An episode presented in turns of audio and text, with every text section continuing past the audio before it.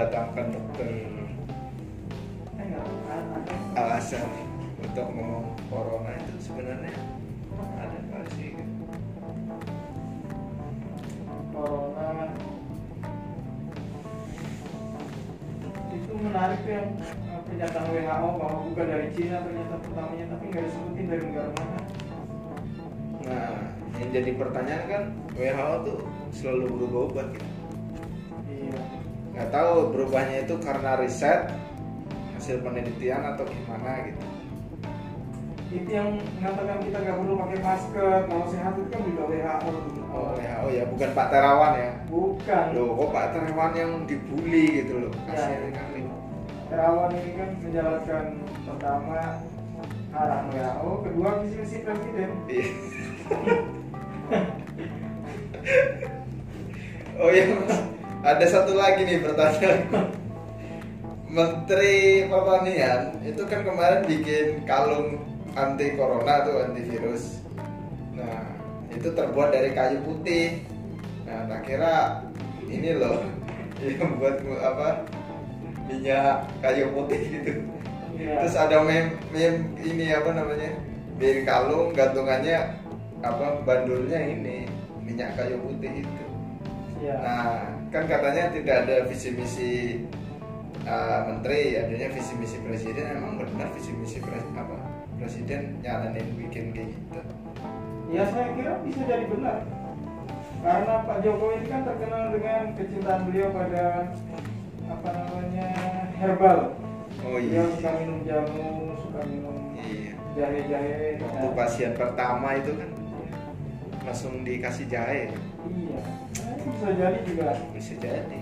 arahan bukan arahan tapi beliau memberikan persetujuan intinya tuh ya di riset dulu sebelum di Tapi kan kayu putih hasil riset, Mas. iya minyak kayu putihnya hasil riset kata Kementerian Pertanian ya iya iya tapi sebagusnya sebaiknya mungkin dikoordinasikan lagi dengan LIPI misalnya supaya lebih Kenapa nggak dengan Kemenkes? Oh iya Pak Kemenkes juga semuanya. Ya kan Kemenkes juga Pak Terawan dulu. Iya. Um, berusaha supaya nggak panik nggak nggak tegang santai enjoy saja.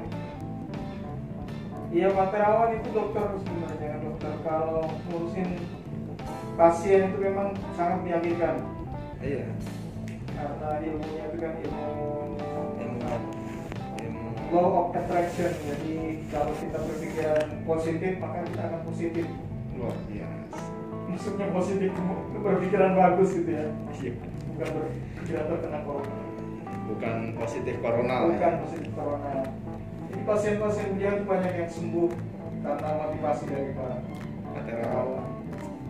Aslinya Pak Terawan itu sangat ini ya sangat supel sekali sama masyarakat Coba lihat dia ngomong lemah lembut, Iya. cocok banget sebagai Dan kemarin itu eh, mengesahkan, eh, mengesahkan deklarasi duta eh, imun, duta imunitas corona itu.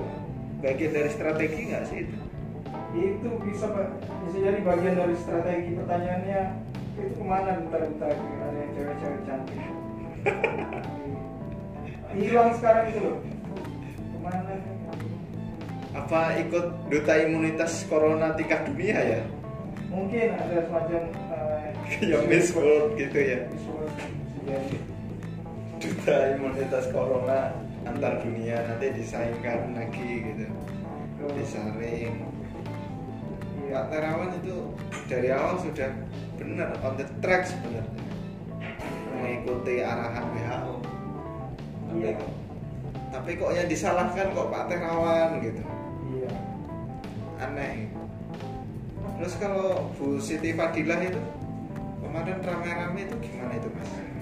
Bu Siti Fadila itu kan contoh orang Indonesia yang berhasil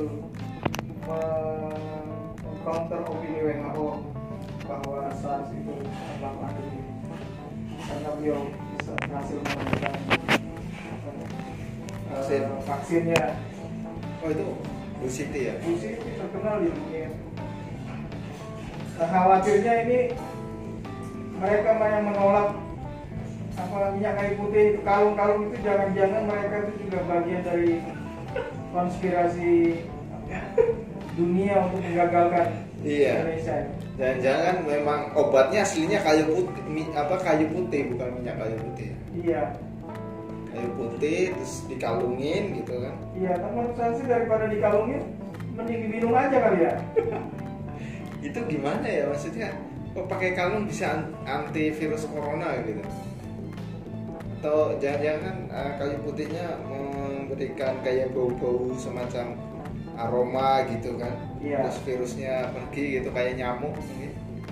Ya kayaknya gitu tuh. Jadi uh, minyak kayu putihnya menyemburkan menyemburkan aroma-aroma yang khas Iya. sehingga dalam uh, beberapa dalam ukuran tertentu virusnya itu kemudian pergi gitu. Hmm, hebat. memang.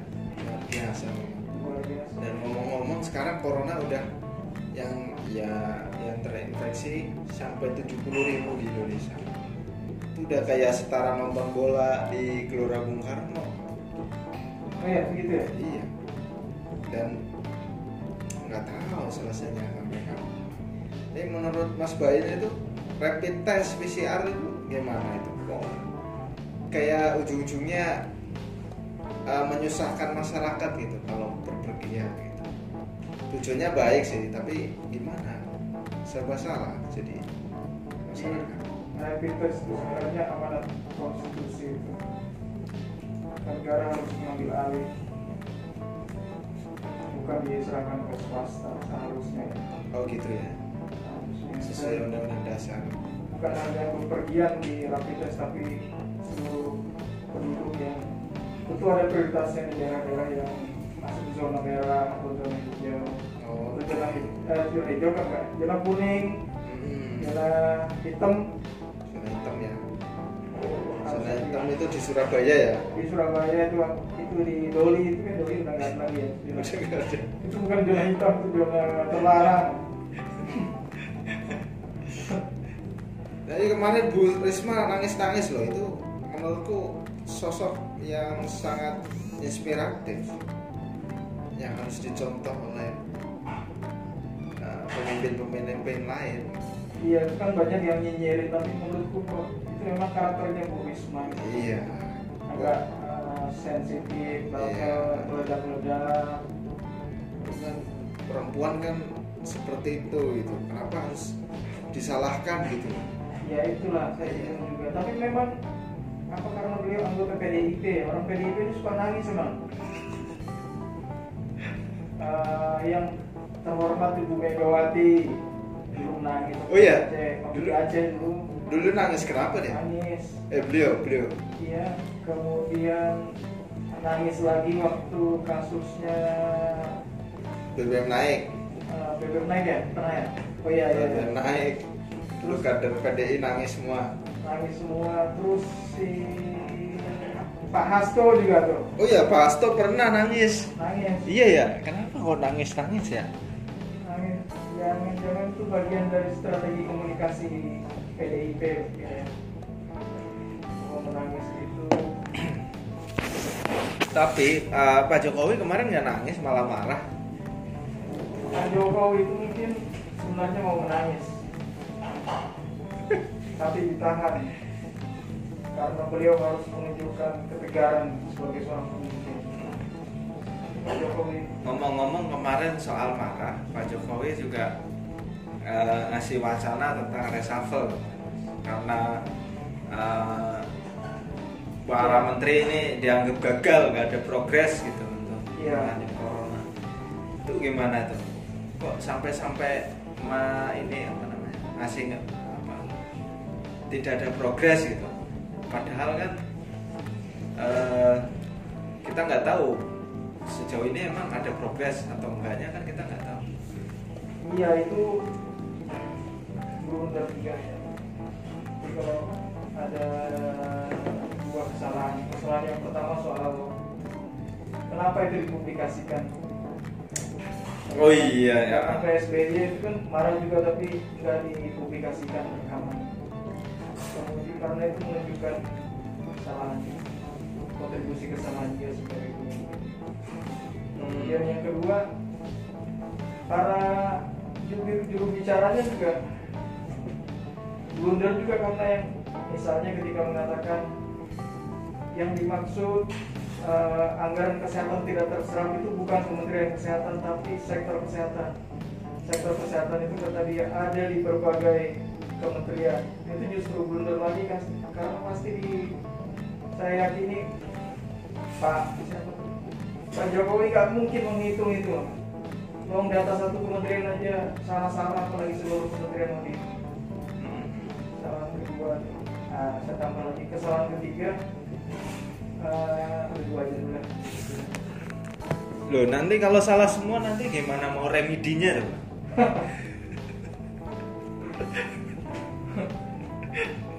Oh, oke lah baiklah. Uh, yang ketiga bukan kesalahan sebenarnya ini.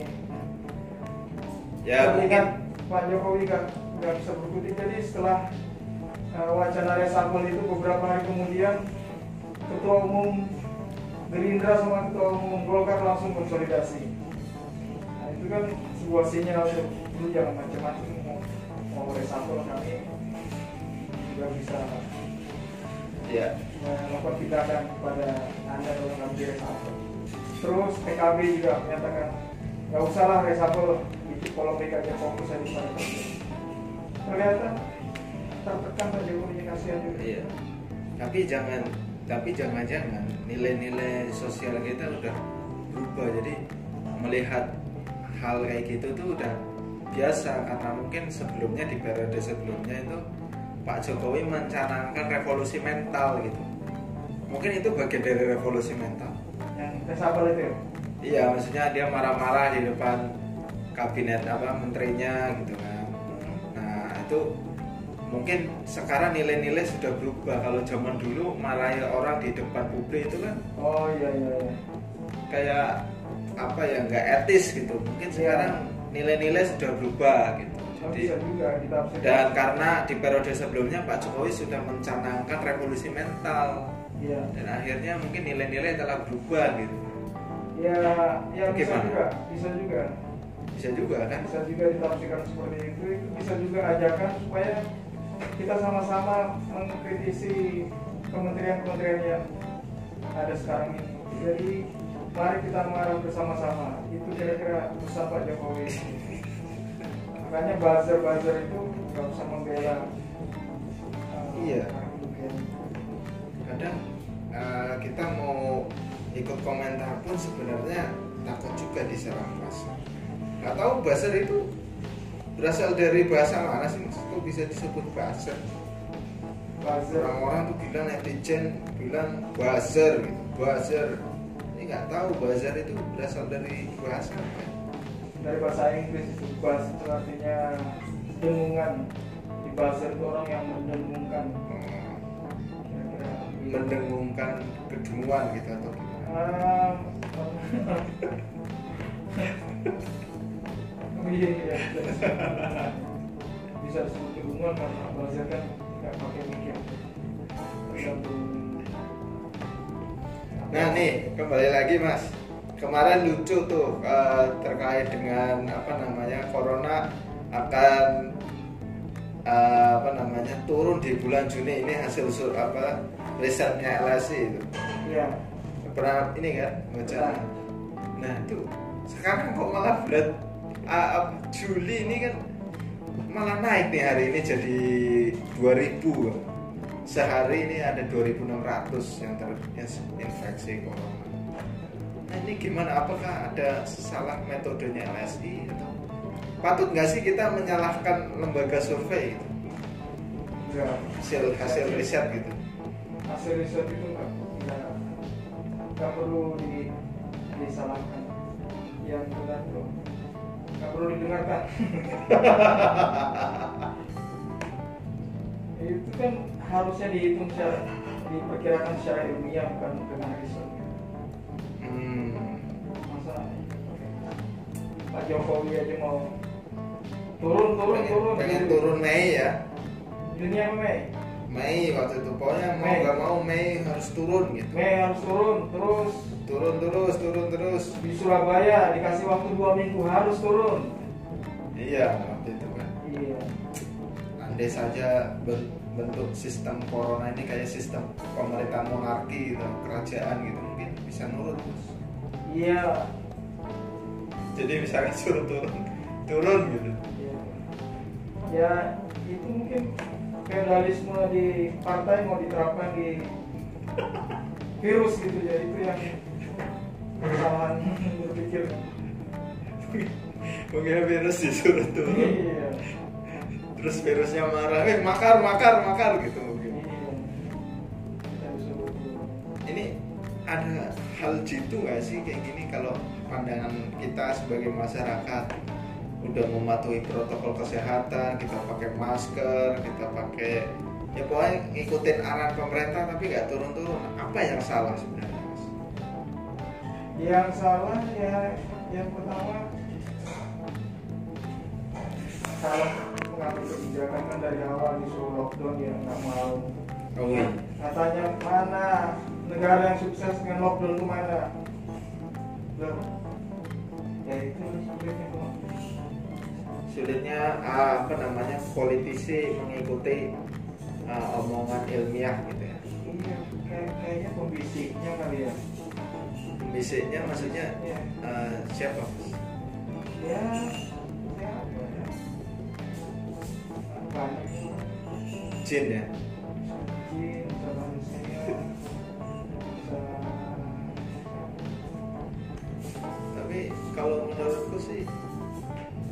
sekarang masyarakat udah masa bodoh sih mas. Iya masa bodoh. Udah masa bodoh udah ah bodoh amat gitu. Terus sekarang sistem penjaring apa? Jaminan jaring apa sih?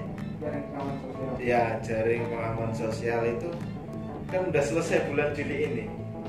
Eh apa Juni kemarin ya? Iya. Juni kemarin akhir. Kan udah uh, cuma dapat tiga bulan listrik cuma uh, selesai subsidi sampai tiga bulan. Iya.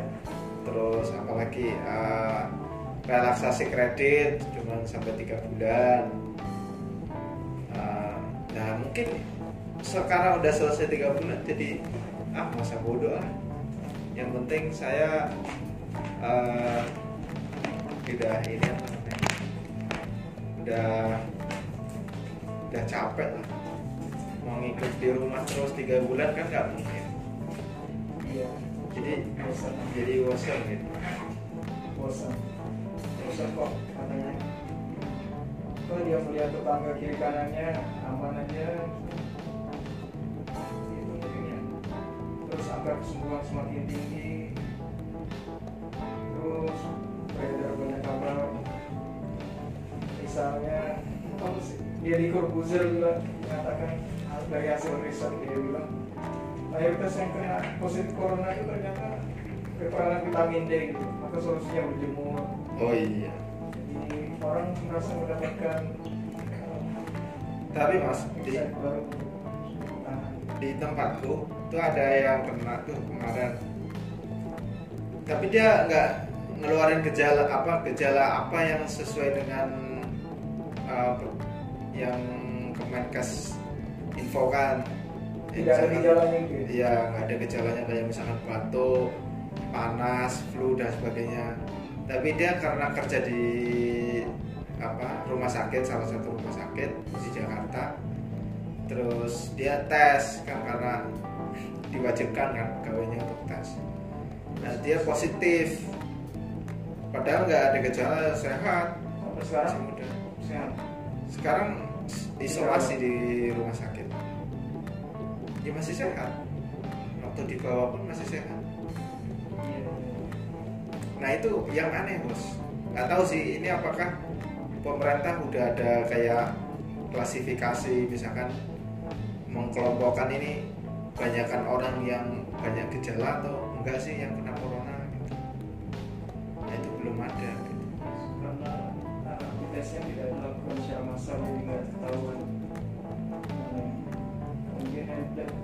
awal sebenarnya keliru. Seolah yang kena corona sakit. Padahal ada yang bisa diisolasi mandiri karena gejalanya ringan. Ada yang cukup di puskesmas. Itulah kalau eh, meremehkan sih dari awal ya. Orang dikasih tanda-tanda di sini mau Desember kenal kita masih menjadikan bahan rokok Iya. Kemarin bahkan eh, ya sekarang orang malah lebih percaya konspirasi daripada dokter ngomong. Eh, konspirasi itu menunjukkan proses terjadinya. Bukan berarti dia tidak ada itu. Dia sebagai sebuah penyakit ada tapi Tapi penciptanya gitu ya. Iya, penciptanya.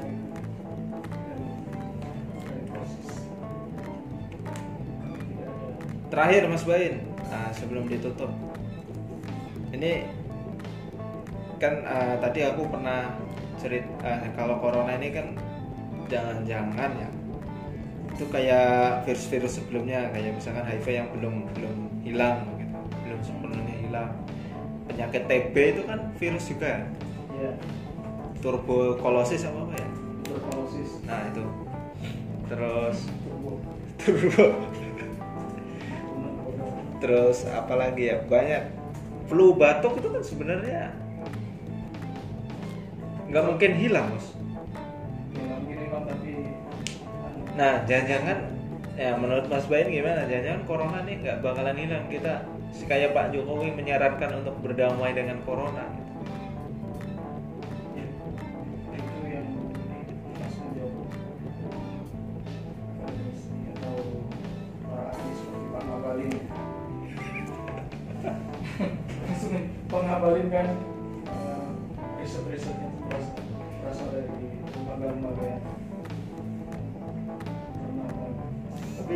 Jangan-jangan eh, kayak misalkan nih kita salaman dan sebagainya itu belum teruji klinis gitu maksudnya belum risetnya belum pasti gitu.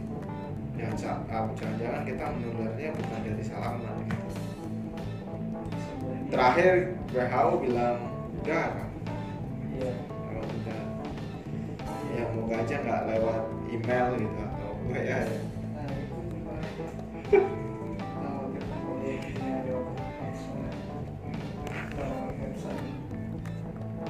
Oke Mas Bain, terima kasih ya udah uh, muncul di podcast kesayangan orang nggak jelas.